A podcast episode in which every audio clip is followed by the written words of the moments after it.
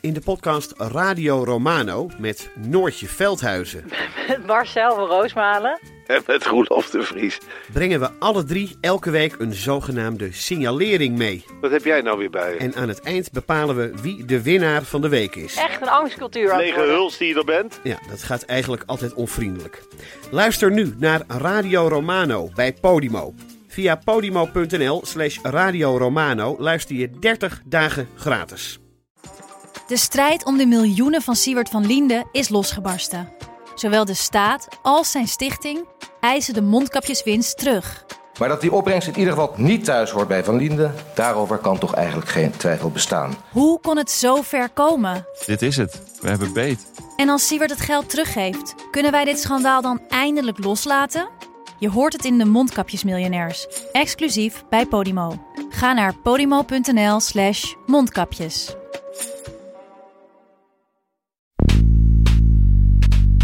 I don't say this out of ego, but I was nominated for the Nobel Peace Prize.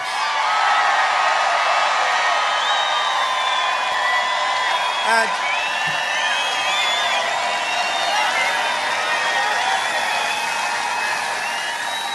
now I, I have to tell you, that's sort of a big thing. And the networks and most of the news didn't cover it. Could you imagine? When Obama came to office, they said, We're going to give him the Nobel Peace Prize. He actually said, What did I do? I didn't do anything. He didn't do anything for eight years, frankly. And with us, we've done so much. With, we have done so much on so many different fronts. Remember North Korea? Remember they were going to be at war with North Korea? Where's the war? Where's the war? Dit is Betrouwbare Bronnen met Jaap Jansen.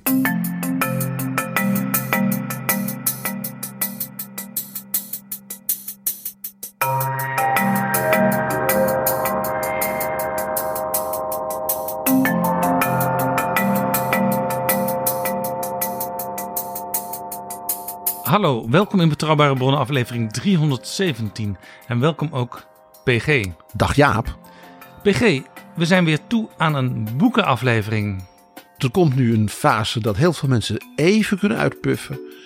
Even zich bezinnen. En wat is er niet mooier om daar dan een inspirerend en misschien leerzaam en misschien wel zelfs eh, verrassend mooi boek bij te lezen. Ja, we hebben natuurlijk al best wel een aantal boekengasten gehad afgelopen jaar. Ik eh, moet zeggen, ik ben eh, in dat opzicht best een beetje trots hoor. Mensen van het niveau als Andrea Wolf, Simon Sibek Montefiore En op Nederlands niveau Joop van den Berg. En Joop van den Berg, ik bedoel, eh, dat is geen kleine jongen in alle opzichten qua denken over politiek. Dus eh, ja, dat is eigenlijk, ik vind dat ook wel iets moois hoor, om dat af en toe te doen. Ja, waar, waar neem je ons zo mee naartoe, PG? Mijn gedachte was om een aantal van de hele grote politieke, eh, ook geopolitieke vraagstukken die we toch het voorbije jaar zich zo aan ons hebben opgedrongen, om een aantal belangrijke boeken die nou precies dat raken, dus even te behandelen, om daar eens over te praten. Ook als idee voor mensen die zeggen van ik wil deze turbulente tijd begrijpen, dat je zegt van nou lees dan eens dit boek. Maar eerst, PG, zijn er nog nieuwe vrienden van de show? Jaap, ik moet heel diep ademhalen, want ja, die zijn er en het zijn er zoveel. Dat ik gewoon natuurlijk allemaal af op de dranklucht die uit de vorige aflevering opsteeg. Die denken het is daar gezellig bij betrouwbare bronnen. Dat laatste is zeker waar. En zeker als dat gemengd is met prachtige poëzie als die van Hafiz en Goethe. Ja, mag ik een kleine opmerking maken? Was wel een primeur hoor voor ons. Het account van Johann Wolfgang van Goethe zelf heeft in het Duits getweet voor mijn Nederlands sprekende volgers. Beluister zuverlässige kwellen over de inspiratie van Hafiz voor mijn werk. Een stem uit eh, het diepe verleden, zomaar. Uit het Weimar van de vroege 19e eeuw. Zuverlässige kwellen, zo heten wij daar bij Goethe. Is dat niet prachtig? Nou, dan die vrienden. Ja, wie zijn de nieuwe vrienden van de show? De nieuwe vrienden zijn René, Gerben, Rogier, Stefan, Giel, René, Marlot en AAA. En de AAA, dat zijn drie voorletters. Hartelijk welkom als vriend van de show. Dank voor de donatie. En je bent vriend als je systematisch doneert. Dat kan zijn één keer per jaar. Maar dan Als even kan volgend jaar weer. Of één keer per maand. We hebben een bedrag ingesteld, maar je kunt het ook zelf nog wat aanpassen. Dat hangt er vanaf uh, wat heb je over uh, en hoeveel zin heb je in nog weer een heel mooi vol jaar betrouwbare bronnen. Zijn er ook nog losse donaties binnengekomen, PG? Want dat kan ook. Ook dat, ja. Dirk Jan, heel erg bedankt. Robert, heel erg bedankt. En grote dank aan Frank. Wil jij ons nou ook helpen met een donatie? Ga dan naar vriendvandeshow.nl slash bb. En voor de vrienden van de show worden enkele boeken die we nu gaan bespreken beschikbaar gesteld. En daar kun je naar meedingen en meer daarover hoor je aan het eind van deze aflevering. Dit is Betrouwbare Bronnen. PG, de boekenaflevering. Wat is het eerste boek waar je het over wil hebben? Ik ga het hebben over een roman in het Frans.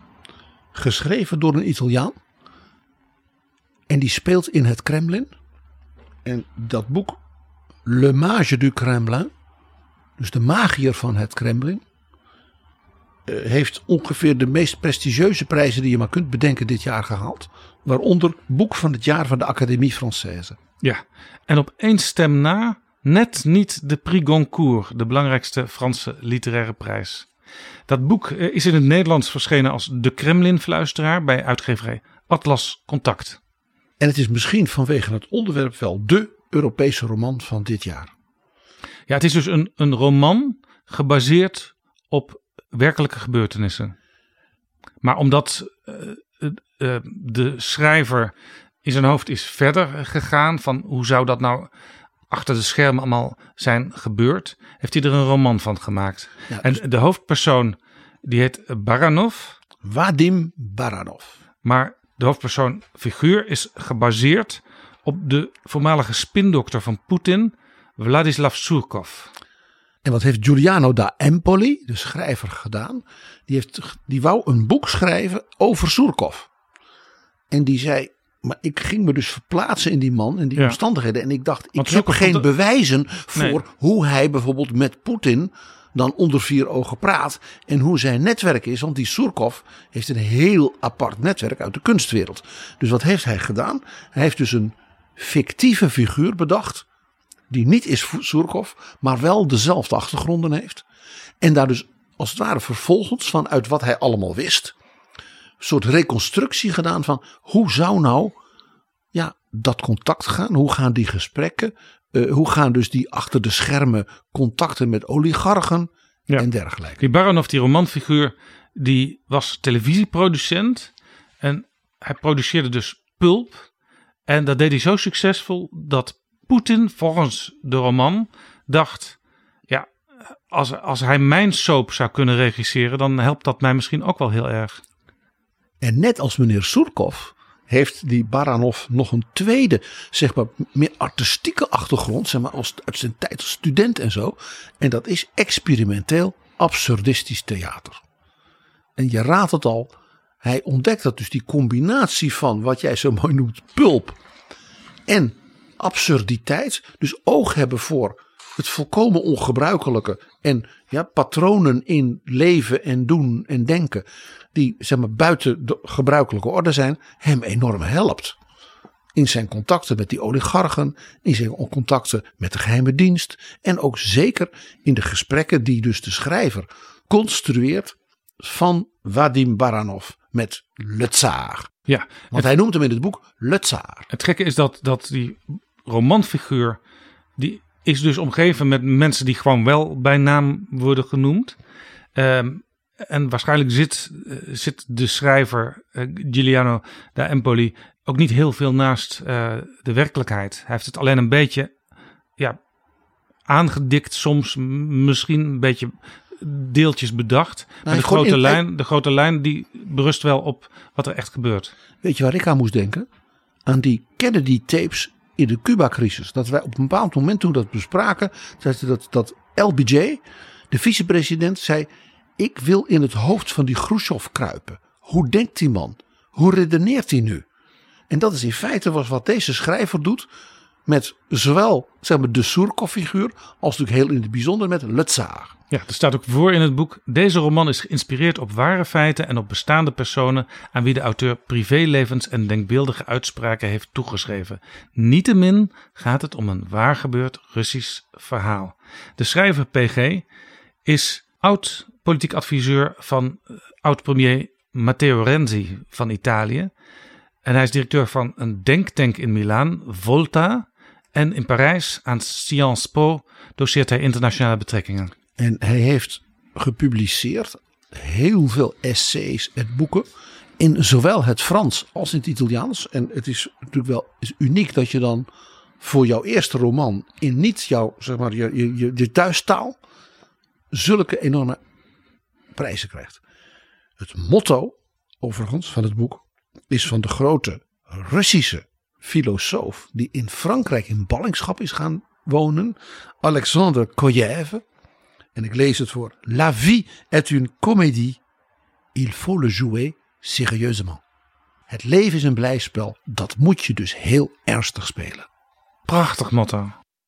Baranov in zijn gesprekken ontdekt dan dat die, dat idee van politieke ja, PR, strategie, verkoop, dat het dus heel dicht tegen de wereld waar hij vandaan komt aanzit. En hij zegt dus: het is maar een klein stapje van absurditeiten in het theater naar de sleutel van politieke strategie. Het gaat namelijk alle twee om het her, hervormgeven van de samenleving. Ja. Het opnieuw vormen van de maatschappij. Als Hij zegt het verschil is dat je met deze nieuwe baan die ik heb moet stoppen fictie te creëren en realiteit moet gaan scheppen. Ja, het komische is natuurlijk, het boek was al geschreven voordat de inval in Oekraïne plaatsvond, maar dat eh, Volodymyr Zelensky ook uit die wereld komt. Het fascinerende is dat Zelensky ook zo'n totaal niet politieke, wij zouden zeggen professioneel politieke achtergrond heeft, maar ook uit de wereld van make-believe komt. Van Dancing with the Stars, met komische films, waarin hij zelfs een, ja, een comedieserie, eh, waarin hij een president van Oekraïne speelt. Een per ongeluk president, want eh, eh, hij wordt het zonder dat hij daar zelf naar gesolliciteerd heeft. En dan loopt hij op dat plein, hè, in, die, in die ene serie, dan gaat de telefoon, is het Angela Merkel. En dan weet hij eigenlijk niet wat hij moet zeggen tegen haar. Inmiddels weet Zelensky dat wel. Dat hebben we deze week gezien in Washington zelfs. Een ander aspect van dus het absurdisme in de kunst, dat dus door deze roman trekt in de politiek, is dat Poetin en zijn bewind, zeker ook naar buiten, bijvoorbeeld naar Europa, ja, stuurt op fake news, hoax. En dat, ja, dat heeft een hoog dada-gehalte, zou je bijna zeggen. Ik lees voor uit het boek. Kijk, niemand moet meer de waarheid kennen, want dan kan je de waarheid ook niet geloven. Rusland is nou te zwak, eigenlijk, om zich te gedragen als een supermacht. Maar heeft dat wel nodig dat mensen dat denken? En dus als het handelt dat mensen dat appreciëren als een supermacht, die het niet is. Dus de enige manier om de wereld te beïnvloeden in die situatie is het te destabiliseren, alles en iedereen die niet bereid is Rusland te zien als supermacht. En dit is precies waar wij het al heel vaak over gehad hebben in Betrouwbare Bronnen PG. Het zwakke En daarom zegt hij Rusland ook- met een heel laag bruto nationaal product. Nou ja, laag, net zo groot als de Benelux of Spanje. Is voor ons is het groot, maar voor dat grote Rusland is het eigenlijk klein. En het idee dat veel mensen nog steeds hebben, Rusland is een superpower. Wat het zelfs in militaire zin is nu bewezen niet meer is. Ik lees jou nu voor bladzij 161 van Le Mage du Kremlin. Je hebt de Franse versie voor Natuurlijk. je PG. Dat neemt me toch wel weer erg voor je in. Het is zo prachtig. Un soir, Poutine m'a convoqué dans son bureau. Op een avond roept Poetin mij in zijn bureau. Hij is dan net terug van de G20. En hij is moe, maar ook geagiteerd.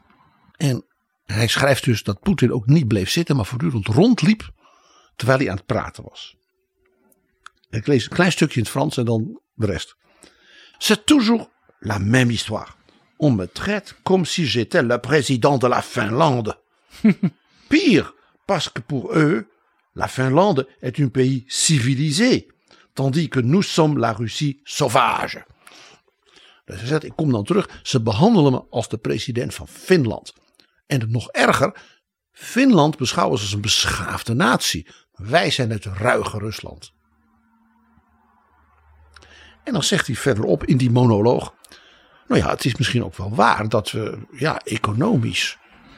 Nee, eigenlijk natuurlijk niet zo. Ja, misschien wel als Finland zijn. Dus de Poetin van deze roman zegt van ja, de Benelux, nou ja, dat is al heel wat. Hij zegt, maar wij zijn geen Finland. Wij zijn het grootste land op aarde. We hebben al die mogelijkheden die we niet gebruiken. En dat is dus de worsteling van Poetin in dit boek. Hij heeft dus die enorme, dat aura hè, van Potjomkin, Catharina de Grote, vul maar in, van Stalin. Ja. En hij voelt dat hij uiteindelijk toch niet echt serieus wordt genomen. Omdat het in de wereld van nu, ja, inderdaad, zelfs de president van Finland als een soort gelijk, gelijke collega wordt gezien, zij het een wat meer fatsoenlijker man. En dat is natuurlijk voor iemand die dus in het boek ook de tsaar wordt genoemd, ja, onverdraaglijk.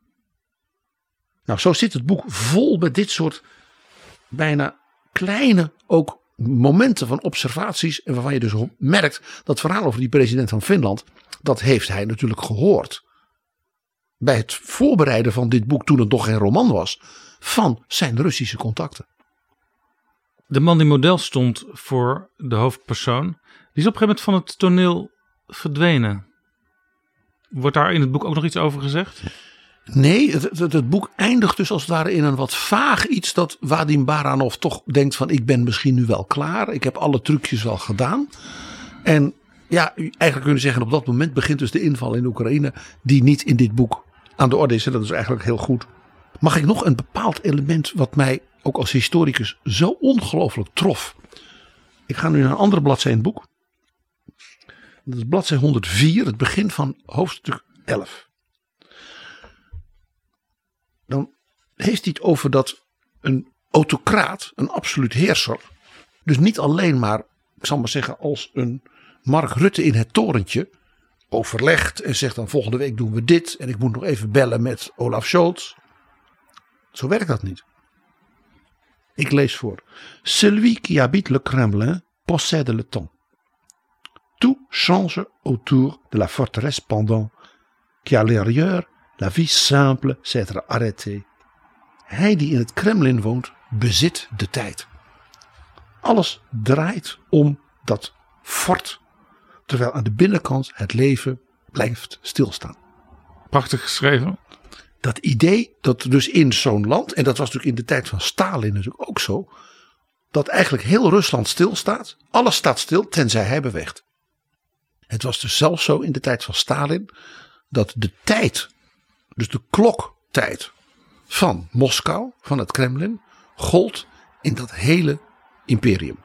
Dus in Vladivostok, dan was je dus zeg maar een halve dag verder wat betreft het zonlicht, gold de tijd van Moskou. Het boek is uitgegeven in het Nederlands door Atlas Contact. En hier komen we straks nog even op terug aan het einde van deze aflevering.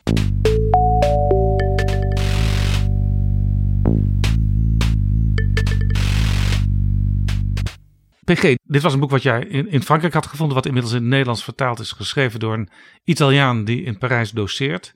We gaan nu naar Nederland, naar een boek wat we al wel eens hebben aangestipt in betrouwbare bronnen. En daar was ook alle reden toe, want het is een monumentaal werk uh, dat grote hulde verdient door de, zowel de breedte als de diepgang, als de enorme variëteit. En hoewel heel dik en over de, zeg maar, de Haagse parlementaire politiek, is het ook nog om van te genieten. Ja, het is een boek van het Centrum voor Parlementaire Geschiedenis in Nijmegen. Die boekstaven eigenlijk alle periodes in de Nederlandse politieke geschiedenis. En ook nog apart de kabinetsformaties. Ja, dat is echt een monumentaal werk. En als je al die boeken, die met name ook onder leiding van Carla van Balen zijn gemaakt naast elkaar zet, dan kom je al op ongeveer een meter boeken. En dit deel gaat over een periode die wij de afgelopen kabinetsformatie, de totstandkoming van Rutte 4 en ook een beetje in de jubilea van het nu afgelopen jaar met enige regelmaat hebben behandeld, namelijk de periode 1971-1982. Dus de kabinetten Biesheuvel, Den Uil, Van 8, 1, 2 en 3 en het aantreden van het kabinet Ja. Lubbers. Dus ook een beetje gifts that keep on giving for us. Ja, dat zou je inderdaad kunnen zeggen. Dat is, En dan dat, daar heb je wel een beetje gelijk. nieuwe aan. jaar ook nog weer mee door trouwens. Ik vrees dan wel. Eh, het boek heet, prachtige titel, heel knap om zo'n dik boek en zo'n elf jaar vol gebeurtenissen in één korte titel samen te vatten. Grote idealen, smalle marges. Interessant, want de jaren 70, dan denk je natuurlijk aan het kabinet Den Uyl. Wat nog altijd het meest linkse kabinet aller tijden wordt genoemd. Daar zou je vraagtekens bij kunnen zetten. Doet Carla van Balen ook al een beetje in het boek. Eh, maar smalle marges, dat komt rechtstreeks van een ja, soort essay wat Joop Den Uyl geschreven had. Waarin hij betoogde dat je in Nederland maar weinig echt van richting kunt veranderen. Maar hij schreef wel in dat verhaal als je dan eenmaal van richting verandert, dan kan dat ook wel weer heel grote gevolgen hebben. Jos van Kemenade zei altijd, ik heb het hem zelf ook horen zeggen in de tijd dat hij mijn minister, dus mijn baas was op het ministerie, dat politiek bedrijven was als het besturen van een olietanker. Je moest dus, voor die, wilde je de Rotterdamse haven invaren, hè, de Nieuwe Waterweg, dan moest je als het ware al heel veel eerder op zee langzaam gaan draaien, zodat hij dan die bocht maakte. Maar dan kwam je er wel. Dat opstel, dat was het eigenlijk van Den Uyl, dat had hij geschreven in 1970. Dus drie jaar voordat hij aantrad als eh, premier van dat eh, ja, magische voor vele kabinet. Maar eigenlijk had hij dus al een beetje eh, het prijskaartje drie jaar eerder geleverd. Alleen de meeste betrokkenen van toen, die hadden dat opstel al lang niet meer in hun hoofd zitten. Die zeiden, het moet nu gebeuren en het moet meteen. En waarom is het gisteren nog niet gebeurd? En snel. En waarom begrijpen die christendemocraten niet dat we dit zo belangrijk vinden? Waarom liggen die steeds dwars? Het is natuurlijk, en dat is toch eigenlijk wel mooi ook in het licht van het komend jaar. Dat we dit jaar, we hebben het natuurlijk heel onlangs uitgebreid behandeld, dat, dat akkoord van Wassenaar. Het plotselinge vertrek van Dries van Acht als premier. En het minstens zo plotselinge aantreden van Ruud Lubbers als premier. Maar volgend jaar is het natuurlijk precies 50 jaar geleden dat het kabinet Den Uyl aantrad. En dat trad aan zonder te weten in wat voor dramatische 4,5 jaar het terecht zou komen. Want ze zaten nog nauwelijks. Of hè, de grote oorlog in het Midden-Oosten met de oliecrisis. Want Nederland werd door de sheiks geboycott. Dat was niet waar Den Uyl bij zijn aantreden ook maar een seconde werd stilgestaan. Dat hij daar, met zijn beroemde televisietoespraak ook, in feite de geschiedenis doorin zou gaan. Ja, het grote voorbeeld ook voor Mark Rutte, die later ook eh, twee televisietoespraken zou gaan houden in de coronacrisis. Maar ook eh, PG. Het waren natuurlijk ook de jaren waarin eigenlijk al vanaf de jaren 50 werd Nederland heropgebouwd. Maar langzamerhand waren er ook met de Sociaaldemocraten, met de Christendemocraten, ook met de Liberalen, eh, allerlei sociale voorzieningen neergezet. En de Partij van de Arbeid had het idee dat gaan we vervolmaken in deze periode. Maar ja, door die crisis, het was niet alleen die oliecrisis, langzamerhand kwam er ook een einde aan een soort automatische groei die er geweest was. Eh, ja, moest er uiteindelijk ook langzaamaan al een beetje versoberd worden. Ja, en daar kwam nog bij dat de economie grote structurele veranderingen onderging. Oliecrisis of geen oliecrisis. Bijvoorbeeld dat bepaalde klassieke industrieën, de textiel, de delfstoffen, De scheepsbouw, de scheepsbouw, dat die naar andere landen in de wereld, bijvoorbeeld Zuid-Korea, gingen. Omdat Nederland daar wel heel goed in was, maar dat te duur werd. Dankzij ook de welvaart, die dus in die ja, zeg maar, eerste tien jaar van de jaren zestig, mede natuurlijk door de totstandkoming van de EU, hè, verdrag van Rome 57, dat, dat ja, die economie zo bloeide dat Nederland ook een rijk land echt werd. Met dus ook een rijke bevolking. En die werd dus duur. Ja, dan kun je dus niet meer heel goedkope textiel maken. Nee, nee. In het begin van de jaren 60 waren er loongolven. Toen ging, gingen mensen 10%, soms wel 20% meer verdienen in een hele korte tijd. Dat was dus mooi, want dan konden ze ook meer besteden. Dus een tijd lang, een jaar of tien, is dat allemaal heel positief geweest. Maar En uiteindelijk toen- werd het een probleem. Ja, onder andere door dat er door die bestedingen en die bloei er natuurlijk inflatie ontstond. Hoe actueel. Het leuke dus in het boek, men vraagt zich ook in de intro af. De vraag te beantwoorden of de verschillen tussen het beleid van Den Uil en Van Acht wel zo groot waren als wordt verondersteld. Ja, En zeker ook in die tijd werd verondersteld. Hè? Dat was er bijna een soort zwart-wit beeld van dus de Joop den Uil, links, hervormingen, sociale verbeteringen. En van acht, hè, sober, schraal Hans Keukenmeester, hè, bestek 81, geen hervormingen meer, conservatief. Dat was het beeld. en het antwoord is dus, die verschillen zijn eigenlijk niet zo groot. De, de- de- ze hadden, ze hadden conform. beiden ongeveer eh, het beleid van de ander kunnen voeren als die premier was. Een beetje conform dus dat prachtige beeld van Jos van Kemenade. Van die grote mammoetanker. Dat je heel langzaam aan het stuur draait, maar dan langzaam wel de bocht maakt. Ja, en Dries van Acht, anders dan het beeld, wilde wel degelijk een aantal stappen vooruit zetten. Als het bijvoorbeeld ging om het abortusbeleid, waarin hij voor links en feministisch Nederland een boeman was. Maar toch was het al een oceaan van progressiviteit als je dat met eh, bijvoorbeeld de Verenigde Staten van Amerika vergelijkt. Ja, laten we er niet omheen draaien. De abortuswet in Nederland is niet van het kabinet Uyl. Die is van het kabinet van Acht. En die abortuswet is tot de dag van vandaag geldig. Men heeft nu een aantal kleinere wijzigingen doorgevoerd. Waar dan ook eh, bijvoorbeeld Jan Paternotte er enorm over toetert alsof hij iets, iets groots doet.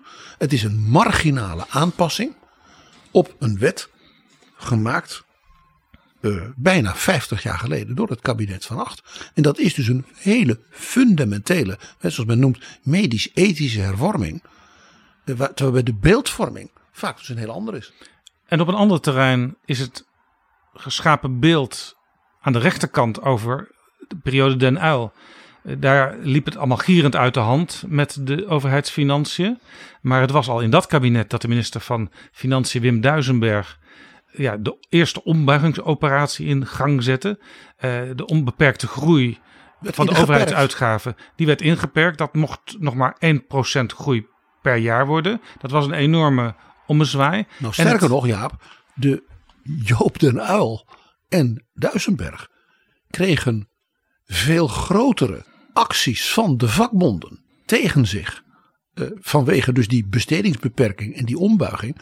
dan Van Acht eigenlijk vier jaar lang met Wiegel hè, in dat kabinet tegen zich kreeg. En het idee wat vervolgens werd neergezet, eh, zeg maar door de aanhangers van Van Acht en Wiegel, dat eh, het kabinet van Acht Wiegel eh, wel eens schoon schip zou gaan maken met die uit de hand gelopen staatsfinanciën, dat klopt ook niet, want het, het, het, het gierde nog steeds ja, de pan uit. Ik vind het altijd leuk om het aan te herinneren dat die hardvochtige, asociale bestek 81 van die vreselijk strenge Dat was het Frans Andriessen.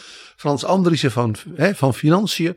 Dat dat betekent dat de overheidsuitgaven in Nederland in het lange meerjarenperspectief niet zouden stijgen naar 130 miljard, maar zouden stijgen naar 120 miljard.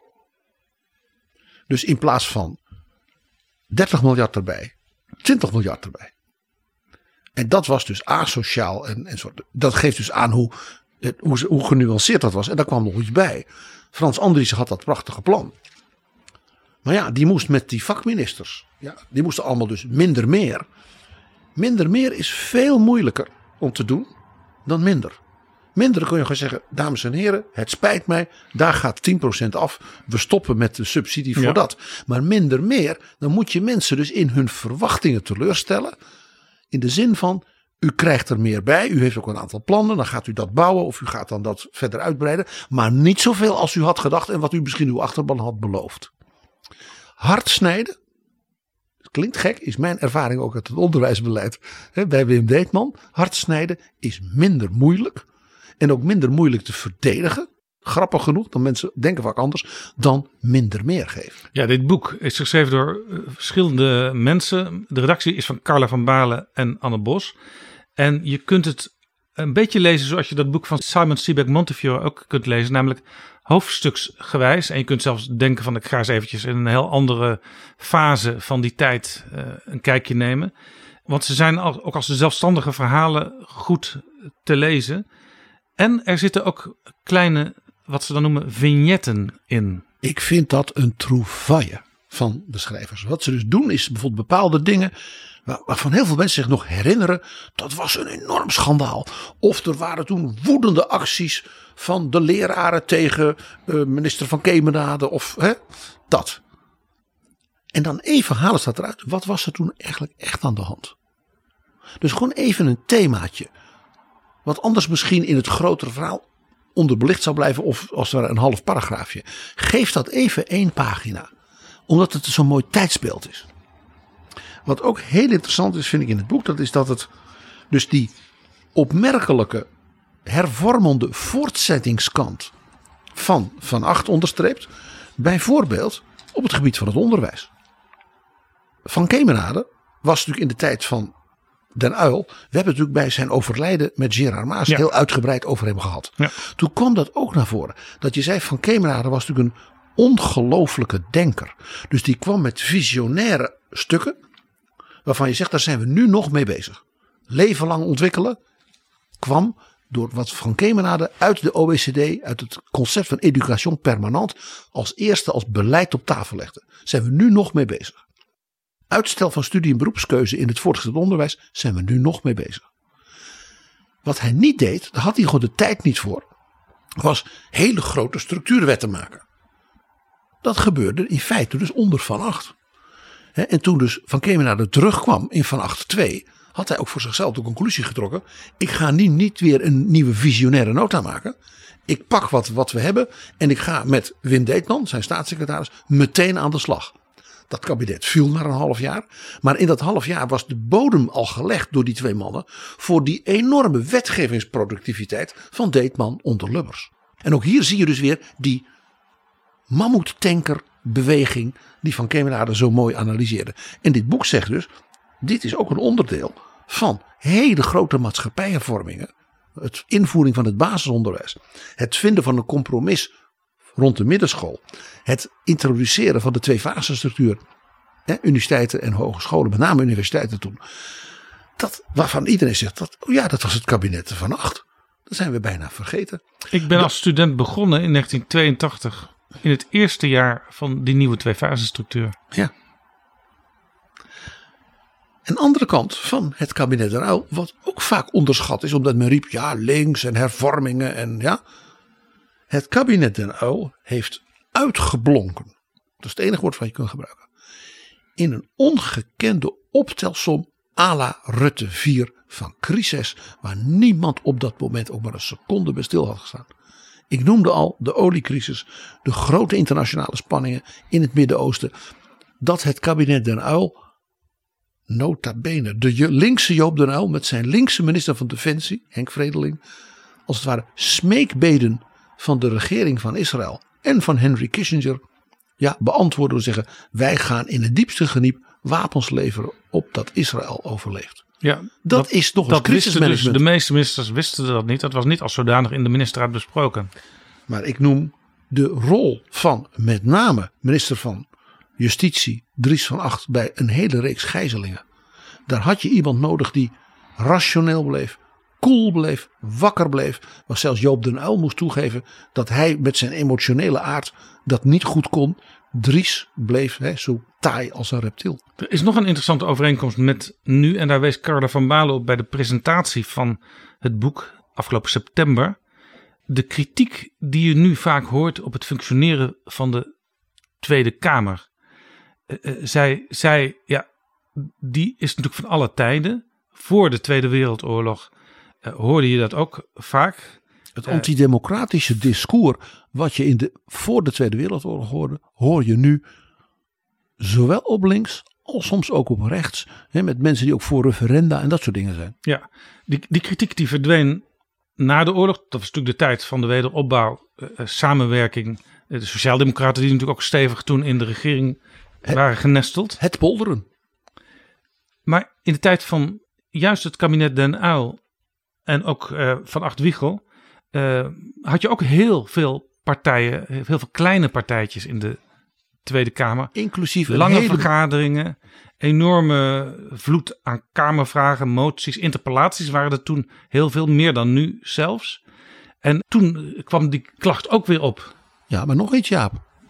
Het was ook de tijd van de afsplitsingen. De boerenpartij viel geloof ik op een bepaald moment in drie partijen uit elkaar. Klopt. Dat is geloof ik alleen FVD gelukt hè? Nog. Ik ben de tel kwijt, PG. Ja, maar ook, er was ook bijvoorbeeld bij de KVP, bij de ARP, dat de radicalen zich afsplitsten en uiteindelijk een nieuwe partij, de PPR, gingen vormen, die nu in GroenLinks zit. En er was ook plotseling een Nederlandse middenstandspartij met één zetel. En die kreeg weer ruzie onderling. Eh, Dat, eh, dat is dus heel grappig wat je ziet.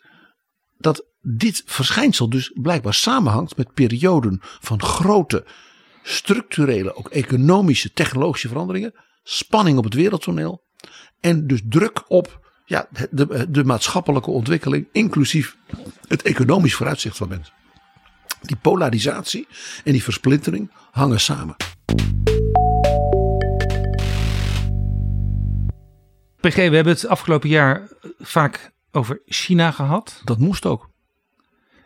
De Nederlander Frank Dikwetter, die heeft onderzoek gedaan voor meerdere boeken. En zijn nieuwste boek heet China na Mao, uitgegeven door het Spectrum. En Jaap, dat is het vierde deel in een serie die begon in 2010.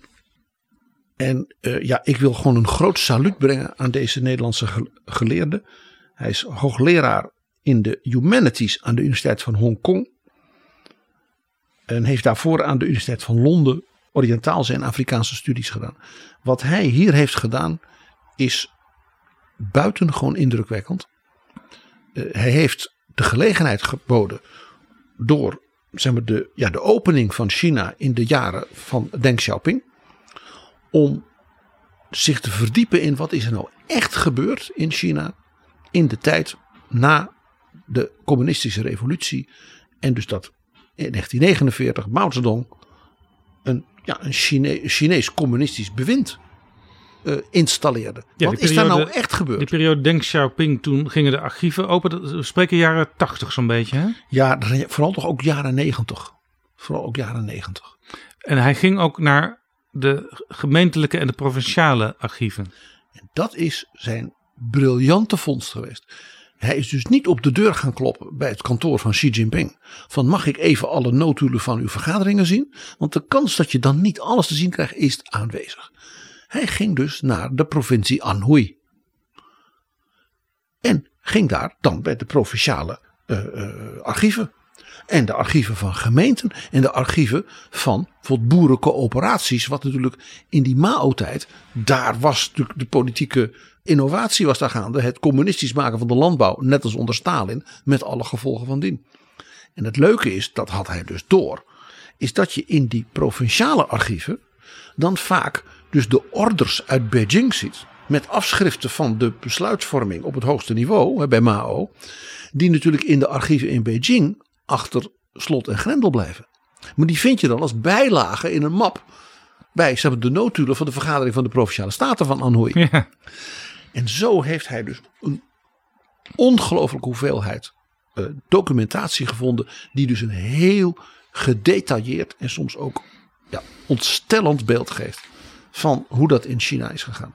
Wat ik heel interessant vind van het boek PG is dat hij eigenlijk een beetje ontmythologiseert het idee dat er eh, g- een groot plan is of geheime strategieën. Het is toch vaak ook maar een beetje aanrommelen. Mao was een dorpsonderwijzer en die hield, eh, zoals Simon Sebag Montefiore tegen ons zei, die hield van drama. Dat was een theatrale man. Vandaar dus die enorme eh, de, de ceremonies, wat je dus in Noord-Korea nu ook nog ziet. En wat je ook bij de herdenkingen de voorbije jaren van Xi Jinping zag. Dat had heel sterk Maoïstische theatervoorstelling van de macht. Maar Mao had helemaal niet zozeer een echt plan. Hij wilde reuring, hij wilde conflict. Dus hij zocht ook voortdurend vijanden in zijn eigen omgeving en in zijn partij. Dus die zuiveringen eh, en dergelijke. Maar dat is dus he- heel anders dan wij, zeg maar, politiek bedrijven. Ik zeg wij, maar gewoon, gewoon rationele, tussen aanhalingstekens, politici en ambtenaren. Zo van, we zijn nu hier. We willen het meer en beter. We willen dat zoveel mogelijk mensen ervan kunnen profiteren. Hoe gaan we dat aanpakken? Ja, bij ons is het altijd incrementeel. He, ook altijd de, de, kritiek op de Europese Unie is het gaat allemaal zo langzaam. En zijn we die twee stapjes vooruit, één stapje achteruit. Maar Mao maakte dus eigenlijk meer een theater van waar hij zelf op de eerste rij zat. Ja, hij was de regisseur, de hoofdrolspeler en de schrijver van het stuk. Ja, die Kutte die laat dus zien, ook dus die, laat ik zeggen, de bijna individualistische kant die daarin zit. dat één zo'n iemand, en die dwingt als het ware dan het politbureau, die neemt die mee. En dan, en dan gebeuren er dus echt ongelooflijke dingen. Want in het eerste deel, de tragedie van de bevrijding heet dat. Dat gaat over de Chinese revolutie tussen 45, Mao komt aan de macht in 49 tot 57. Wat hij daarin laat zien is dat eigenlijk vanaf dag 1 de grote bondgenoot, de Sovjet-Unie, maar één ding deed. Wantrouwen, wantrouwen, wantrouwen. Niks vertellen, afperken, de Chinezen niks geven. Maar net doen alsof je het wel deed. Dat er ook uiteindelijk toe leidde. Dus dat die diepe breuk in de communistische wereld. Ja, tussen Moskou en Beijing ontstond. Het echte verhaal daarvan heeft dus heel lang geduurd en die Kutter heeft heel veel daarvan gevonden. Wij in het Westen hadden natuurlijk het beeld, ja dat zijn communistische mogendheden. Uh, de Sovjet-Unie is daarbij leidend. China is een ontwikkelingsland. En de Sovjet-Unie gaat dat China helpen opbouwen. Zodat dat ja, het Westen kan overweldigen. Dat is helemaal niet gebeurd zoals je weet. Omdat die twee vanaf dag nul elkaar geen seconde hebben vertrouwd. Het tweede ding, dat is deel, deel 2 van die vier. Dat is Mao's Great Famine. The History of China's Most Devastating Catastrophe. 1958 en 1962. Dat boek, dat, dat kun je eigenlijk, dat moet je af en toe wegleggen. Dat gaat over de grote sprong voorwaarts. Ja. Uh, dus de grote landbouwhervorming en industriehervorming van Mao. Waarvan wij weten dat dat allemaal niet goed lukte. Uh, zacht uitgedrukt, er is, het leidde tot een hongersnood waar 30 tot 50 miljoen mensen zijn omgekomen. Niet alleen door de honger, wat al verschrikkelijk is, maar ook door dus de burgeroorlogen die daar ontstonden. En men, men ging dus gewoon met hele ja, dorpen en steden gingen dan elders in het land proberen het eten te stelen waar er nog wel wat was. Er waren echt, dus echt burgeroorlogen, ook tussen verschillende legerafdelingen. Het China van de jaren twintig, met de warlords, zoals dat heette, leek helemaal terug te zijn. En daarmee dus leek dus het communistisch bewind van Mao dus mislukt.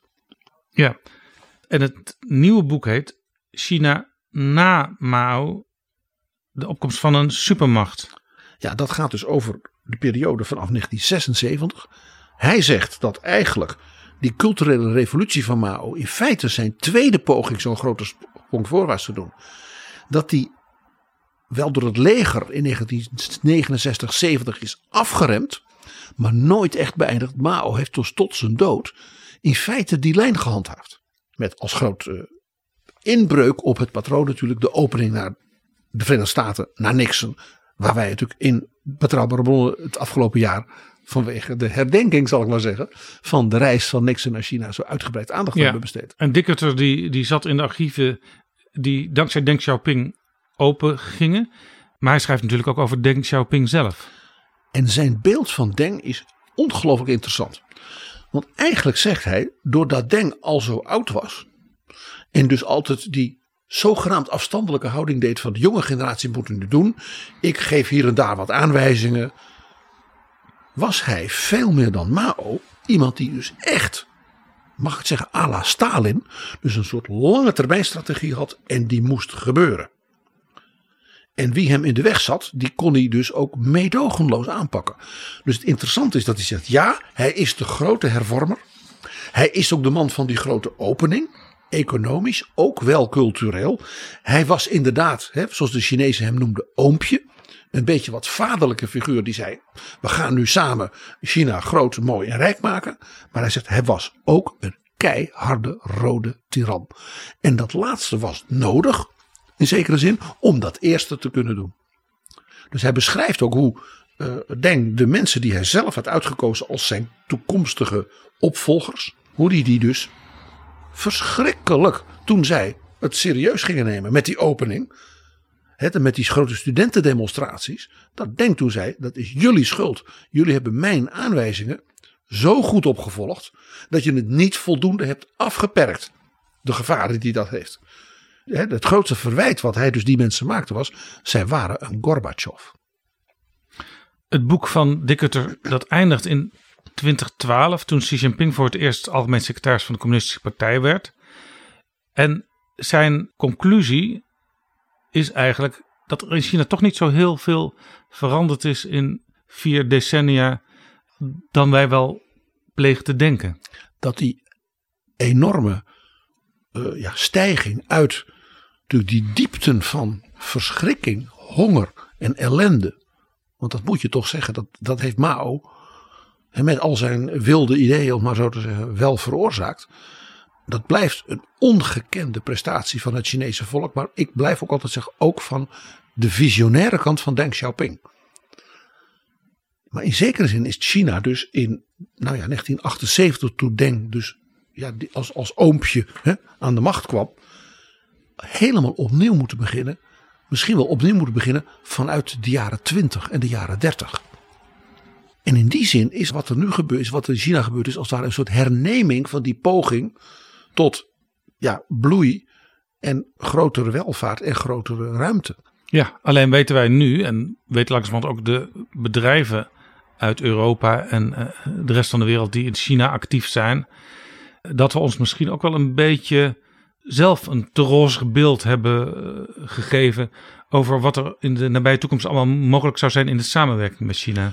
Nou ja, in zekere zin hebben we natuurlijk het voorbije twee jaar gezien wat toch ook die Kutter over Denk schrijft. Dus dat heel genuanceerde, maar misschien ook wel ja, dat tegenstrijdige beeld in Denk. Namelijk opening. Uh, Xi Jinping ook zegt China wil een, een rules-based international order. Ik ben niet zo als die Poetin. Ik wil samenwerken. Ik ga Belt and Road. Ik ga mooie dingen in de derde wereld doen. Maar tegelijkertijd hebben we natuurlijk weer opnieuw gezien, ook in corona, dat ook Xi Jinping, net als de oude Deng, een keiharde rode tiran is. Ja, en nu alle macht naar zichzelf heeft toegetrokken. Iedereen, ook in zijn directe omgeving, is afhankelijk van hem. Zoals de droom van Mao. En het is dus nu zeer de vraag, en dat is, vind ik het knappe ook van deze vier boeken. Je blijft dus met het vraagteken zitten van, gaat Xi Jinping als het ware nu de oude recepten herhalen? En die indruk wekt hij af en toe. Ook doordat dat politbureau van hem gewoon voor een belangrijk deel uit oude mannen bestaat. Om het even heel onaardig te zeggen. Dus gaan die nou de oude recepten herhalen? Of slagen ze erin, wat de hoogbejaarde Denk wel lukte, een soort nieuwe aanzet te maken? De enige echte welgeslaagde grote sprong voorwaarts. Ja, ik las een interview met Dickerter. En daar gaat hij eigenlijk al verder dan 2012 waar hij stopt in het boek. Maar hij heeft toch een beetje een hard hoofd. En hij zegt ja, zolang dat communisme nog echt dominant blijft in het systeem ja, wordt het uiteindelijk toch niks met China. Ja, dat is dus heel interessant dat hij dus zegt van uiteindelijk is dus die marxistisch-leninistische ideologie zet toch een rem op de realiteit. In feite wat dus Deng met zijn opening en zijn ja, liberalisering, wat ik ook zelf toen ik in China was in 85 heel direct heb meegemaakt, dat Deng vier jaar later moest zeggen, het succes hiervan is een gevaar voor de ideologie. Ja, en het, uh, het beleid van Xi Jinping zet misschien dan tot slot PG ook een rem op het elkaar begrijpen van China en Europa, de Amerika's, maar ook bijvoorbeeld India, dat een andere koers heeft gekozen. Uh, en als je elkaar begrijpt, dan kun je uiteindelijk ook veel beter samenwerken. Of ook zeggen van op die punten begrijpen we elkaar niet. En dat accepteren we dan. dat doen we. Jaap, dat komt ook in onze Europese Unie nog best eens tegen dat we zeggen: begrijpen we elkaar nou echt? Misschien ook niet. En dat moet je dan maar met leren leven.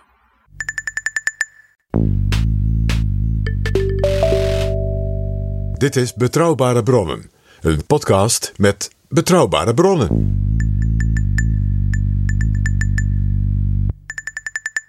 PG, we ontkomen in dit jaar toch ook niet aan Donald Trump. We dachten dat we van hem af waren, maar hij beheerst nog steeds de nieuwsmedia tot op het uur van vandaag. Maar ja, in de geschiedschrijving raak je nooit van mensen af die een stempel op hun tijd hebben gedrukt. Omdat namelijk het voortdurend weer nadenken en schrijven. En denk aan die kutter in de archieven duiken over die tijd. En dat stempel. Ja, dan komt zo iemand altijd weer terug. Maggie Haberman, journalist van de New York Times, heeft een meer dan 600 pagina's dik boek geschreven over Trump. Onder de titel, de veelzeggende titel Maskerademan. Confidence Man. Uitgegeven door de arbeiderspers. Het woord confidence man is eigenlijk niet te vertalen. Want het is namelijk ook een typische term uit de New Yorkse vastgoed maffiawereld. Ja, zo van ik weet het niet helemaal zeker, maar ik vertrouw toch maar op hem.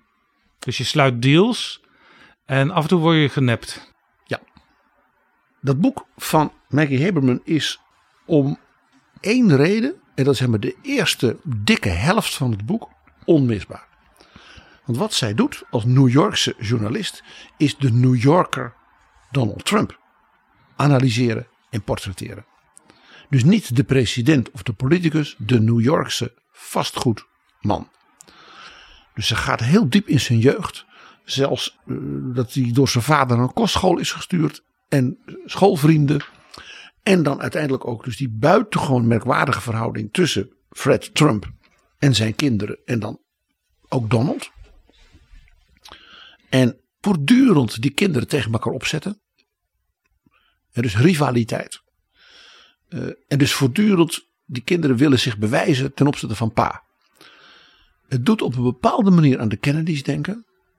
Zij dat bij de Kennedys nog dat element eromheen zat, wat dus heel erg bindend was, en dat zit bij de Trumps niet, van dat Iers-katholieke traditie, geloof en dergelijke. Dus de, het gezin Trump is nog sociaal-darwinistischer dan de Kennedys al waren. En dat leidt ertoe dat Donald Trump zich wil bewijzen. En het interessante is dat hij eigenlijk vanaf het begin gefascineerd was door de entertainmentindustrie. Hij is eigenlijk pas doordat hij het, de erfenis van zijn vader moest overnemen, echt vastgoedman geworden. Hij heeft van alles geprobeerd. Hij heeft zelfs geprobeerd een soort musical producentenbedrijf over te nemen. Een soort Joop van de Ende. Ja, Joop van de Ende. Uh, uh, maar PG, ik weet ook dat Trump de media en dan met name de yellow pages, de rubriekjes, gebruikte om zijn handel tot grote hoogte te laten stijgen. Want hij stond elke paar dagen wel in de New York Post en andere krantjes. Er werd over hem gepraat bij nieuwe tv-kanalen. En sterker nog, hij belde vaak een beetje met een accent. Ja, ik weet nog wel wat over die Trump te vertellen. Hij was gisteren daar en daar en daar heeft hij dat en dat gedaan. Weet je van wie hij dat geleerd had? Van zijn vader. Zijn vader placht bijvoorbeeld ambtenaren te bellen. Van de gemeente New York. Van zeg maar, de afdeling planning en woningbouw. Maar dan was hij weer veroordeeld voor het een of het ander. Dus als hij belde als de firma Trump of meneer Trump, dan werd er, werd de hoorn opgehangen. Want die ambtenaar wou niet zijn vingers branden aan een contact of een deal met Trump. Dus dan belde vader Trump met een andere naam. Om dan informatie te krijgen die hij vervolgens kon gebruiken. En zo'n Trump deed dat dus bij de roddelbladen. Trump heeft trouwens een dubbele relatie met Maggie Haberman. Zoals hij eigenlijk met iedereen in zijn omgeving een dubbele relatie heeft. Uh, want zij schreef heel veel, elke dag zo'n beetje, in de New York Times over Trump tijdens het presidentschap. En hij belde haar. Net als dus zijn vader deed met die ambtenaren. En hij zei ook een keer over haar: I love being with her. She's like my psychiatrist. Maar aan de andere kant noemde hij ook weer een derde rangs reporter. Ja, je, je bent of geweldig of je bent vuilnis met Trump. En dat kan op dezelfde dag gebeuren. Binnen het uur kan het veranderen. Wat ook echt geweldig is, echt ja, geweldig. Wat Maggie Haberman heeft gedaan. Zij heeft zeg maar de mentor, de, de man die Trump ook ja, toch wel de politicus heeft gemaakt die die werd. Dat heeft ze helemaal gereconstrueerd en dat is natuurlijk de beroemde, beruchte advocaat Roy Cohn. En Roy Cohn is iemand, ja, die, die kun je niet verzinnen. Een briljante, scherpe, gewetenloze, Joodse, homoseksuele advocaat, de assistent van Joe McCarthy. Ja, ik heb op Netflix een serie over Trump gezien.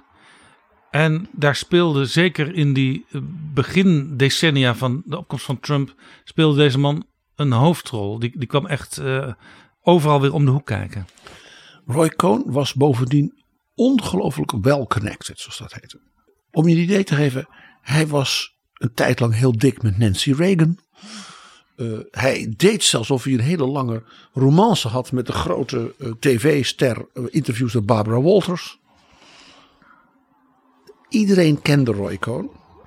En ja, hij verdedigde ook iedereen die hem wilde betalen. Dus de meest verschrikkelijke maffiabazen, oplichters, maar ook de uh, hoofdredactie of de eigenaren van de New York Times als het ging om wetten ten aanzien van dat ze van beschuldigd werden dat ze slechte dingen hadden geschreven. Als je betaalde, dan had, kon je Roy Cohn als verdediger krijgen. En hij was iemand van de verbrande aarde. Dat was uh, zijn uh, methodiek. Veel van wat wij in Nederland in de kranten lazen over Trump tijdens zijn presidentschap.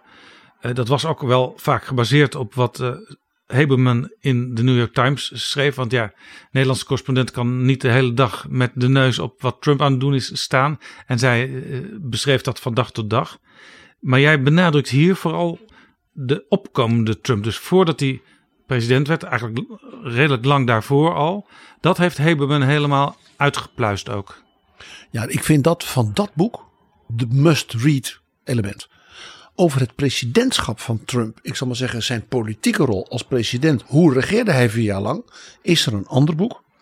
En dat is van, overigens ook van de New York Times, Peter Baker en zijn vrouw van de New Yorker Susan Glasser, die samen dit soort boeken schrijven. En wij hebben hen natuurlijk in Betrouwbare Bronnen alles, uh, ja, zeg maar, heel veel eer toegezwaaid ja. voor hun boek James Baker III, The Man Who Ran Washington. He, dus 700, 800 pagina's met James Baker zijn medewerking geschreven. Uitermate ja, diepgaand en onthullend en prachtig boek. Ja, heel en, interessant, want The Man Who Ran Washington, dat geeft dus meteen in die ene zin al aan over wat voor iemand het boek ging. Dit boek, dat heet The Divider. Ja, de verdelend heersman eigenlijk. Ja, en ze zeggen de Divider, omdat zij zeggen hij, Trump, ja, dat is toch de drain the swamp. Hij beschouwt zichzelf als de man die Washington en de manier van doen van Washington en in feite ook de legacy van mensen als James Baker helemaal kapot wil maken. Ja, en het gaat eigenlijk nog verder als je dat woord divider uitvergroot. Trump heeft niet met zijn beleid Amerika dichter bij elkaar gebracht. Eigenlijk dat, dat de mensen elkaar weer in de ogen Juist niet. kunnen kijken. Het is verdeelder dan ooit na Trump. Dat was precies de bedoeling, Jaap. Vandaar ook die dystopische inaugural speech. American Carnage. Dat was echt ongelooflijk. Dat moment dat ik dacht, die man is dus nog erger dan, dan je zou kunnen verwachten. Want je, meestal denk je, iemand wordt gekozen, hij treedt aan, houdt zijn eerste speech en hij wil het land verenigen. Ja, en hij zei dus gewoon heel eerlijk van, uh, het is één grote puinhoop. En er is maar één iemand die dat kan oplossen en dat ben ik. We blijven, eh, dat, die ongelooflijke quote van president George W. Bush. Die daar met die regencapuchon zat. En toen voor iedereen hoorbaar, toen hij opstond tegen Laura Bush, zijn vrouw, zei: That was some weird shit. en dat past natuurlijk bij Bush. De Bush-dynastie was natuurlijk ook de dynastie van James Baker. Hij was hun conciliëren, hun campagneleider, hun minister van Buitenlandse Zaken. Hij was hun alles hebben Peter Baker en Susan Glasser, juist omdat ze uh, zo diep ook in die uh, oude Republikeinse partij zaten, hebben die wel genoeg contacten kunnen aanboren voor het verhaal over die nieuwe Republikeinse partij?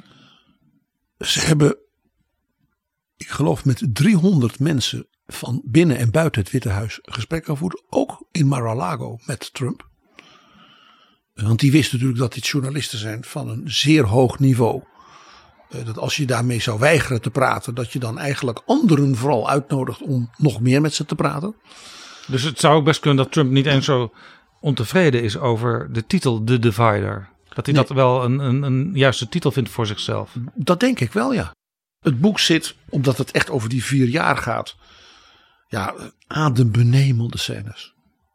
Eh, Ook dingen dat je denkt, oh natuurlijk, dat konden we niet zien, maar natuurlijk. Bijvoorbeeld de onversneden haat rivaliteit van Melania Trump en Ivanka Trump. Melania Trump heeft bij die inauguratie, bij die speech, een vriend uit de New Yorkse modewereld het zo laten designen dat op het moment dat Trump sprak en daarvoor de eed aflegde op de familiebijbel en dat Melania natuurlijk naast hem stond, dat de camerelijnen zo waren dat de stoelen waar Ivanka en Jared Kushner zaten niet in beeld waren. Zover gaat dat. Zover gaat dat. Op de eerste dag. Dus nog voor hij echt helemaal president was, moest dat al gedesigned worden. Hadden ze dat meteen door, eh, dochter en schoonzoon? Uh, ongetwijfeld, want toen de eed was afgelegd en de parade was geweest, ging Trump natuurlijk voor het eerst als president het Witte Huis in. En wie had hij bij zich? Ivanka en Jared, niet Melania. Melania was al terug naar New York, want hun zoon Barron kwam terug van school.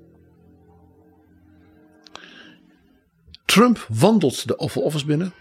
Voor het eerst als president. Dat is natuurlijk toch voor iedere politicus. Ja. Maakt die uit wat Zeker, voor zeker. kleur. Een historisch moment. Tapijt is ook nieuw, hè? Dat is eh, Alles helemaal 24 uur daarvoor snel neergelegd. Helemaal nieuw In het hele. Witte Huis. Conform de wens van de nieuwe president. Hè, dus dat schilderij van Roosevelt is weg. En nu hangt er een schilderij van Jackson. Ja, dus, dus Trump hoefde zelfs eh, letterlijk niet meer in het voetspoor van Obama te lopen. Letterlijk niet. Hij loopt naar binnen. En wat is het eerste wat hij zegt? Hoe organiseren ze die prachtige belichting hier? Alsof het een tv-studio is. Het is een set. Want zo heeft hij er natuurlijk ook zijn hele leven naar gekeken. Het is een set. Voor hem als ster. Oh ja, wat deed Melania terwijl ze dus niet zelf in het Witte Huis woonde heel lang? Ook heel snel.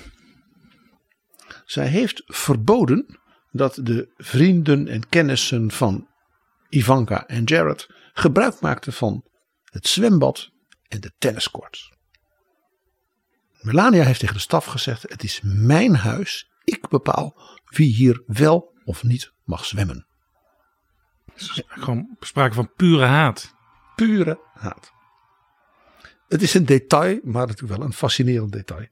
Eh, nog zo'n ding, dat moet ik zeggen, dat is wel echt heel eh, verrassend. En het leuke is dat zowel Heberman als Baker hebben dat genoteerd. Dus die hebben dat uit van verschillende bronnen. En dat is dat wij hier in Europa iets helemaal niet zien van Trump. Wij zijn allemaal, en volkomen begrijpelijk, natuurlijk geobsedeerd door Trump en Poetin. Daar is ook alle reden toe. Maar zoals een van de generaals die ze niet bij naam citeren. Maar we weten allemaal wie het is, namelijk generaal Mark Milley. Ik zal zo zeggen waarom. Dat hij heeft gezegd: Dit is een denkfout die jullie journalisten ook maken. Poetin, ja, tuurlijk, is ongelooflijk belangrijk. Hij is, ook, hij is gefascineerd door Poetin. Dat was hij al als vastgoedman. Weet jij nog dat hij die Trump Tower wilde bouwen in Moskou? Ja. Met Poetins vastgoedvriend Agalarov uit Baku. Van Azerbeidzjan. Met die popzanger als zoon. Ja? Ja. Dus die generaal zei. Maar Erdogan is the one he loves. He calls him the sultan. Trump kijkt op naar Erdogan. Ja, meer dan dat. Hij, hij zegt dat hij met Erdogan de meest fantastische telefoongesprekken heeft. Dat die elkaar helemaal aanvoelen. Dat hij hem ongelooflijk interessant vindt. He loves him.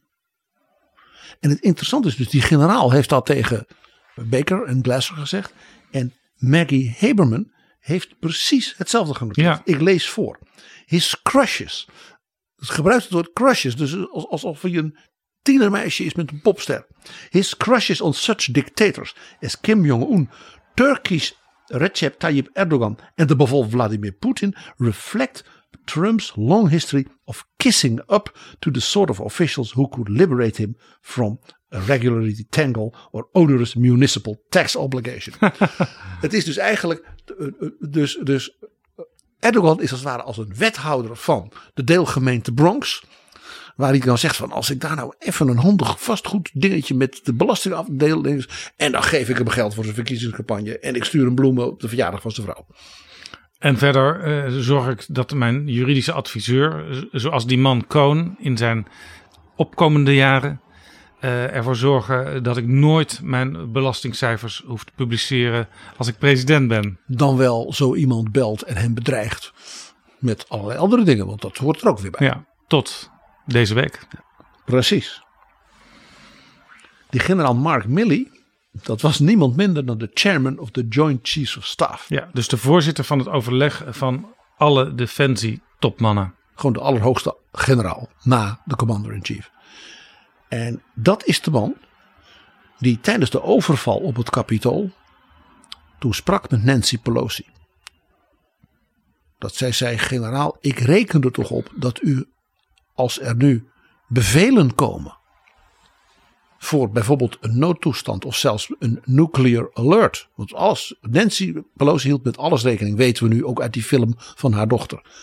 Dat hij toen haar heeft beloofd van u kunt op mij rekenen. En we weten dat hij toen zijn jonge stafmensen allemaal in zijn bureau heeft geroepen. Die heeft gezegd ik ga jullie nu een bevel geven.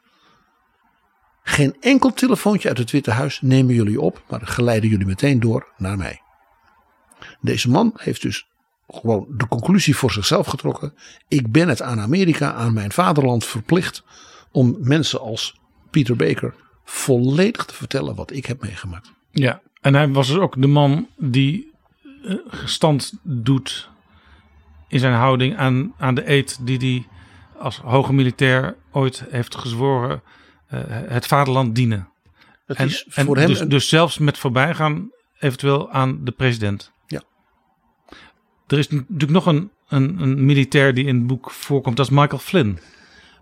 Die kennen we natuurlijk in Nederland als de man die op de Dam de boeren toesprak. Eh, ja, dat is wel een heel apart iemand. Die werd nu het Witte Huis uitgetrapt. Want hij had gelogen over zijn contacten met Poetin en het bewind in het Kremlin. En hij had gelogen daarover tegen Mark Pence, de vicepresident. Dus hij werd ontslagen.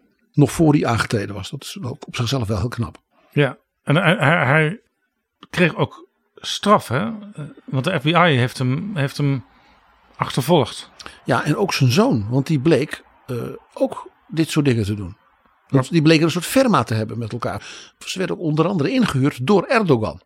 Maar Trump heeft er uiteindelijk voor gezorgd dat die straf niet doorging. Ja, en het is nog gekker.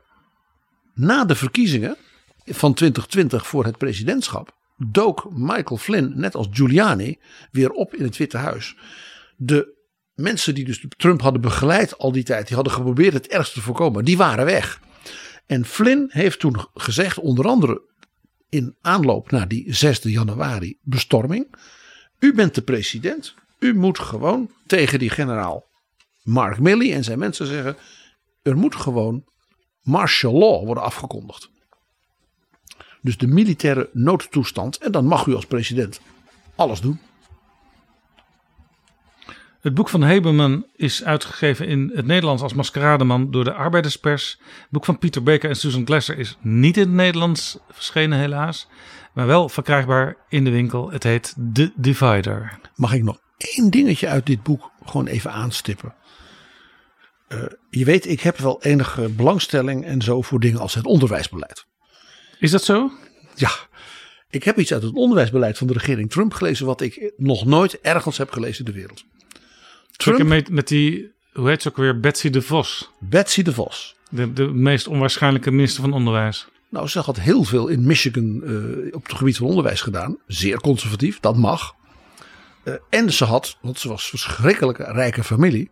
En ook haar, zowel haar aangetrouwde familie als haar eigen familie is heel rijk. Had dus heel veel geschonken aan de campagne. Betsy de Vos heeft de president gekoppeld aan haar broer. En die heet Eric Prince. En dat is de baas van Blackwater. En die zei: Mr. President, ik begrijp van mijn zus en de, dat u zegt: we moeten al die Amerikaanse troepen in Syrië en Irak en vooral in het Afghanistan, die moeten we weghalen. Wat hebben we daar te zoeken?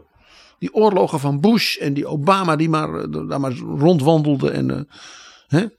Ik ga dat heel anders doen. Ik ga die troepen allemaal terugtrekken. Dus endless wars, zoals hij dat noemde. En die prins, dus de broer van de minister van Onderwijs, zegt van: Ik heb de oplossing voor u. U huurt mij met mijn mensen van Blackwater in.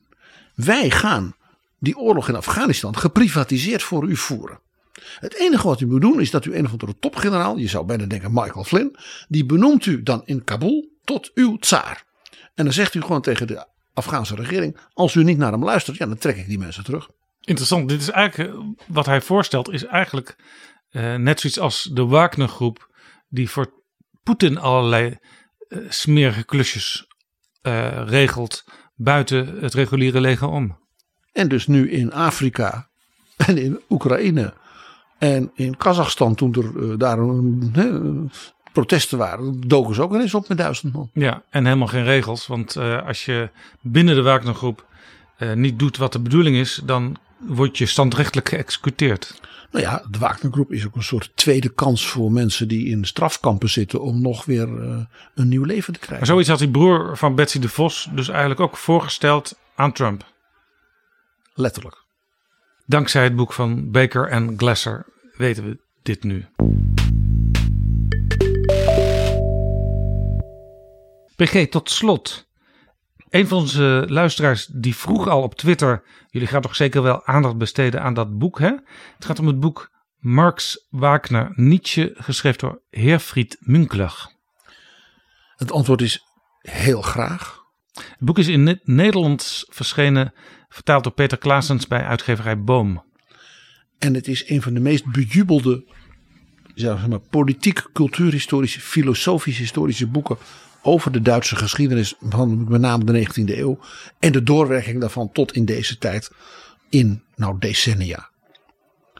Dus alleen al om die reden stip ik het aan voor mensen die zeggen: Ik wil zo'n boek lezen. Nou, nee, lees dit. We het kunnen is er, zo rijk. Ja, we kunnen er heel veel over zeggen. Absoluut. Maar de rode draad in het boek is het revolutiethema. Waarover natuurlijk Marx, Wagner en Nietzsche niet precies hetzelfde dachten.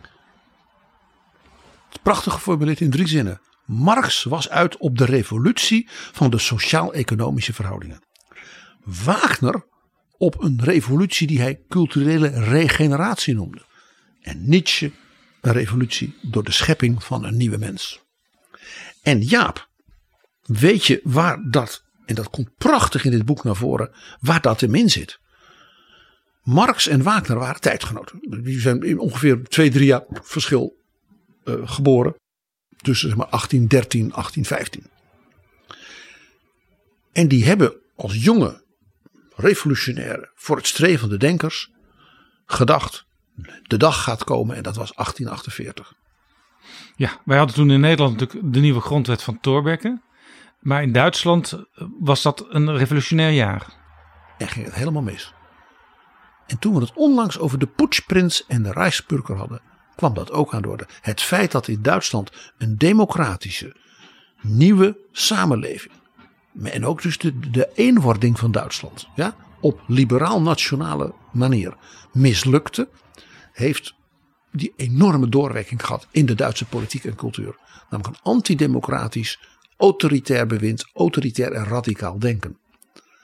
En dat is precies dus ook wat bij Marx en Wagner is gebeurd. Marx dacht, hè, Ein Gespenst geht um in Europa. Das Gespenst des Kommunismus. De openingszin van het Communistisch Manifest. En uit welk jaar is dat? 1848. Ja. En dat spook ging rond. En er gebeurde niks.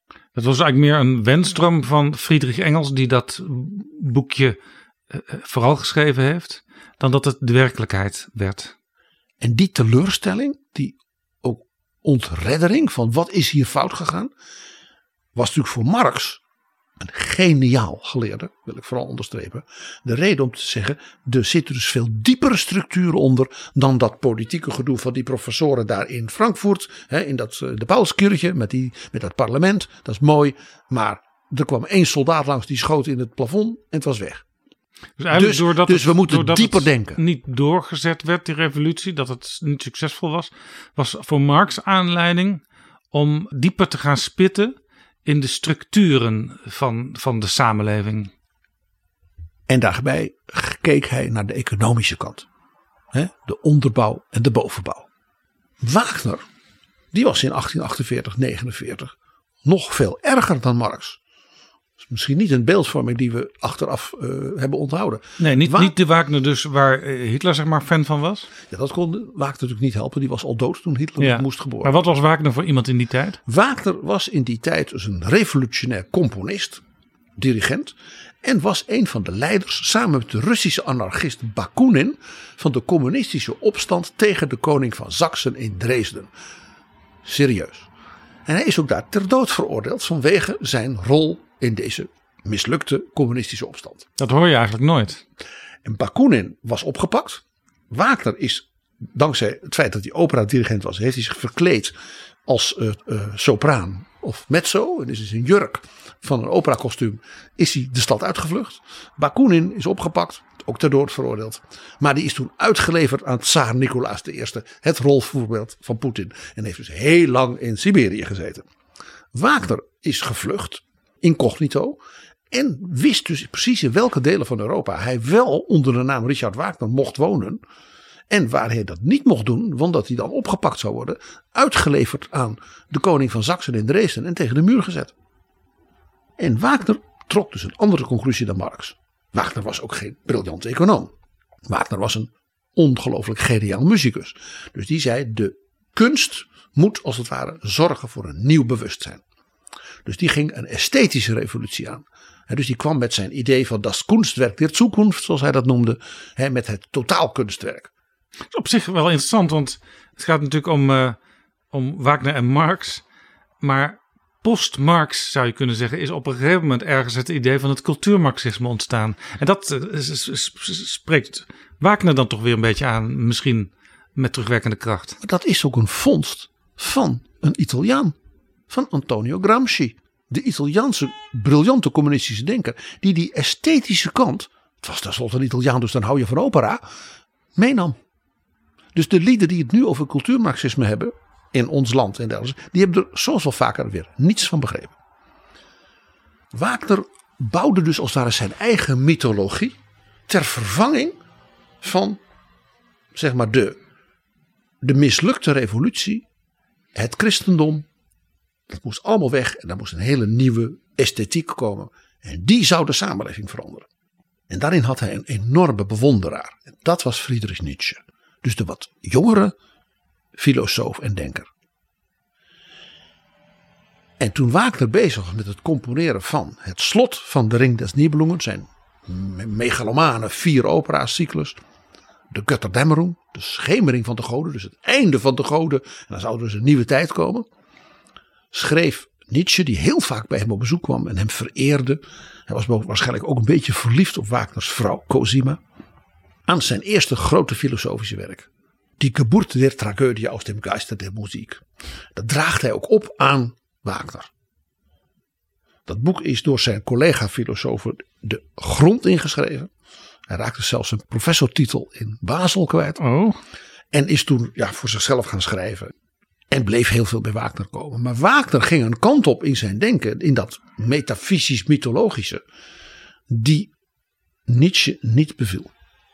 En daarbij kwam nog iets. En dat moet onderstreept worden. Wagners, ook met name door zijn vrouw. Aangewakkerde antisemitisme. Was iets waar Nietzsche een horreur van had. Het beeld van Nietzsche is natuurlijk na zijn dood heel erg vertekend. Eh, onder andere door die zus, waar we het een keer een boek over Ja, hebben gehad. ja. Elisabeth Die Velstad. wel in die hoek zat. Nogal, ja. Eh, Nietzsche vond dat afschuwelijk. Nietzsche vond ook dat er een post-christelijke wereld moest komen. Dus toen Wagner na de ring ineens ja, als laatste grote werk de opera Parsifal ging doen. Die, met een soort vreemd, soort roomsige mystiek, maar ook met boeddhistische elementen. Dat vond Nietzsche zo afschuwelijk dat hij heeft gebroken met Wagner. Maar Marx zocht dus een nieuwe wereld vanuit dus de wetten bijna mathematisch hè, van de economie en de sociologie. Wagner zocht een nieuwe wereld via de esthetiek. En dus als het ware de mythologie en de mystiek van de kunst. En daarbij alle kunsten in elkaar integreren. Dat was zijn nieuwe concept. En Nietzsche wilde, zoals hij dat noemde, een nieuwe mens. De Ubermensch. Die als het ware boven alle oude dingen steeg. En helemaal voor zichzelf bestond. Interessante invalshoek van heer Fried Munkler. Eh, Ik had vroeger wel eens als ik dan in een tweedehands boekwinkel kwam en ik zag bij wijze van spreken een boek met de titel Marx, Wagner, Nietzsche. Dan dacht ik, eh, dit moet nogal bij elkaar geraapt zijn. Maar eh, deze man die heeft dus heel, ja, heel slim, heel vernuftig die drie naast elkaar gelegd en hij vergelijkt ze met elkaar. Ja. Hij laat ze eigenlijk in gesprek gaan. Ja, waarbij we dus weten dat eh, eh, Nietzsche en Wagner natuurlijk ook met elkaar in gesprek waren. Zeer intens, wat leidde tot gro- een grote breuk. Wel een leuk detail. Marx heeft ook iets met Wagner gehad. Toen in 1876 voor het eerst de Bayreuther Festspielen hè, met de ring in dat Festspielhaus kwam. Toen was Marx op bezoek op vakantie met de trein via Nuremberg naar Karlsbad om daar watertjes te drinken met zijn dochter. En al in Nuremberg kon hij geen enkele hotelkamer meer krijgen. Want die zaten allemaal vol met mensen die dan met het boemeltje naar Bayreuth gingen. Want Bayreuth daar kon je sowieso al geen kamers meer krijgen. Bovendien daar zaten alle vorstelijke personen. De hele elite van Europa was daar. Dus de, de, ze hebben de kunstliefhebbers zaten in de dorpen en de steden rond Bayreuth. Waar ze dan met de trein naar Bayreuth konden. In het bijzonder in Nuremberg. Dus Marx was woedend dat hij geen kamer had. En toen was hij uiteindelijk met heel veel vijven en zessen kwam hij in Karlsbad aan. En toen was daar iedereen, en die waren natuurlijk net allemaal op het festival in Bayreuth geweest. Die gingen daarna naar Karlsbad. Dan ben je ook nog naar zo'n Wagner-opera ook wel aan zo'n drankje toe. dus toen heeft hij zich ook nog enorm geërgerd in brieven aan vrienden. Dat de mensen het hier alleen maar over die verschrikkelijke charlatan van een Wagner hebben. Dus zelfs tussen Marx en Wagner was er een verbinding. Ja, zullen we dan, het is tenslotte tegen het eind van het jaar, deze betrouwbare bronnen eindigen met dat waar dus Wagner en Nietzsche bij elkaar kwamen toen ze nog goed met elkaar waren. Nietzsche zat zijn grote filosofische werk te schrijven, droeg dat aan Wagner op en Wagner componeerde de Kutterdämmerung. En dat is het eind van de ring en het is nu tegen het eind van het jaar. Dus laten wij nou dat geweldige slot van die opera laten klinken om onze luisteraars een goed jaareinde en kerst te wensen. Je kon het niet beter bedenken, PG. Laten we luisteren.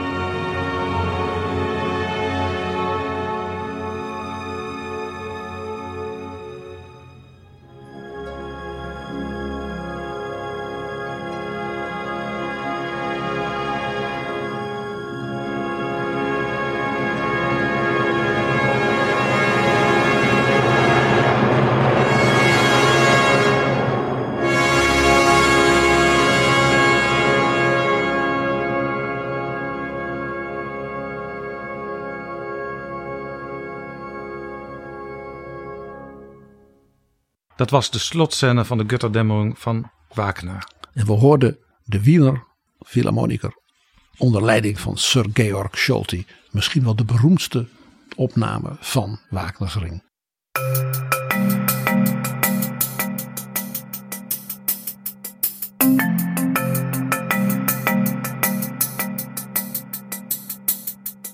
Zo, dit was Betrouwbare Bronnen, aflevering 317. Deze aflevering is mede mogelijk gemaakt door de vrienden van de show. Je wordt vriend als je ons uh, met enige regelmaat van een donatie wil voorzien, klein of groot. Ga daarvoor naar vriendvandeshow.nl slash bb. Losse donaties zijn trouwens ook welkom. En jullie zijn ons allemaal even lief. Als je nou denkt, en als je nou denkt, ik geef iedereen die me lief is deze dagen een cadeautje, maar je bent ons nog vergeten, denk dan ook aan betrouwbare bronnen. En wij denken aan u. Want de vrienden van de show kunnen meedingen naar enkele boeken die we hebben besproken in deze aflevering. Eh, zo stelt Atlas Contact een aantal exemplaren beschikbaar van De Kremlin-fluisteraar. En uitgeverij Boom een aantal exemplaren van Grote Idealen, Smalle Marges. En ook de arbeiderspers doet mee met het boek van Maggie Haberman over Donald Trump, Maskerademan. De vrienden van de show die kunnen op de site Vriend van de Show speciaal voor hun een bericht lezen, voor anderen dus niet leesbaar. En als je je hebt aangemeld uh, voor de nieuwsbrief, dan kun je die ook lezen. En dan weet je hoe je ervoor in aanmerking kan komen. Dat staat op dit moment op de site beschreven. En Jaap, wat een dilemma voor onze luisteraars. Ga ik voor Giuliano da Empoli's briljante roman? Of voor Maggie Haberman, door Trump zijn psychiater genoemd? Of ga ik voor dat monumentale boek over die jaren zeventig in onze politiek? Wat een dilemma. Tot volgende keer. Betrouwbare bronnen wordt gemaakt door Jaap Jansen in samenwerking met dag en nacht.nl.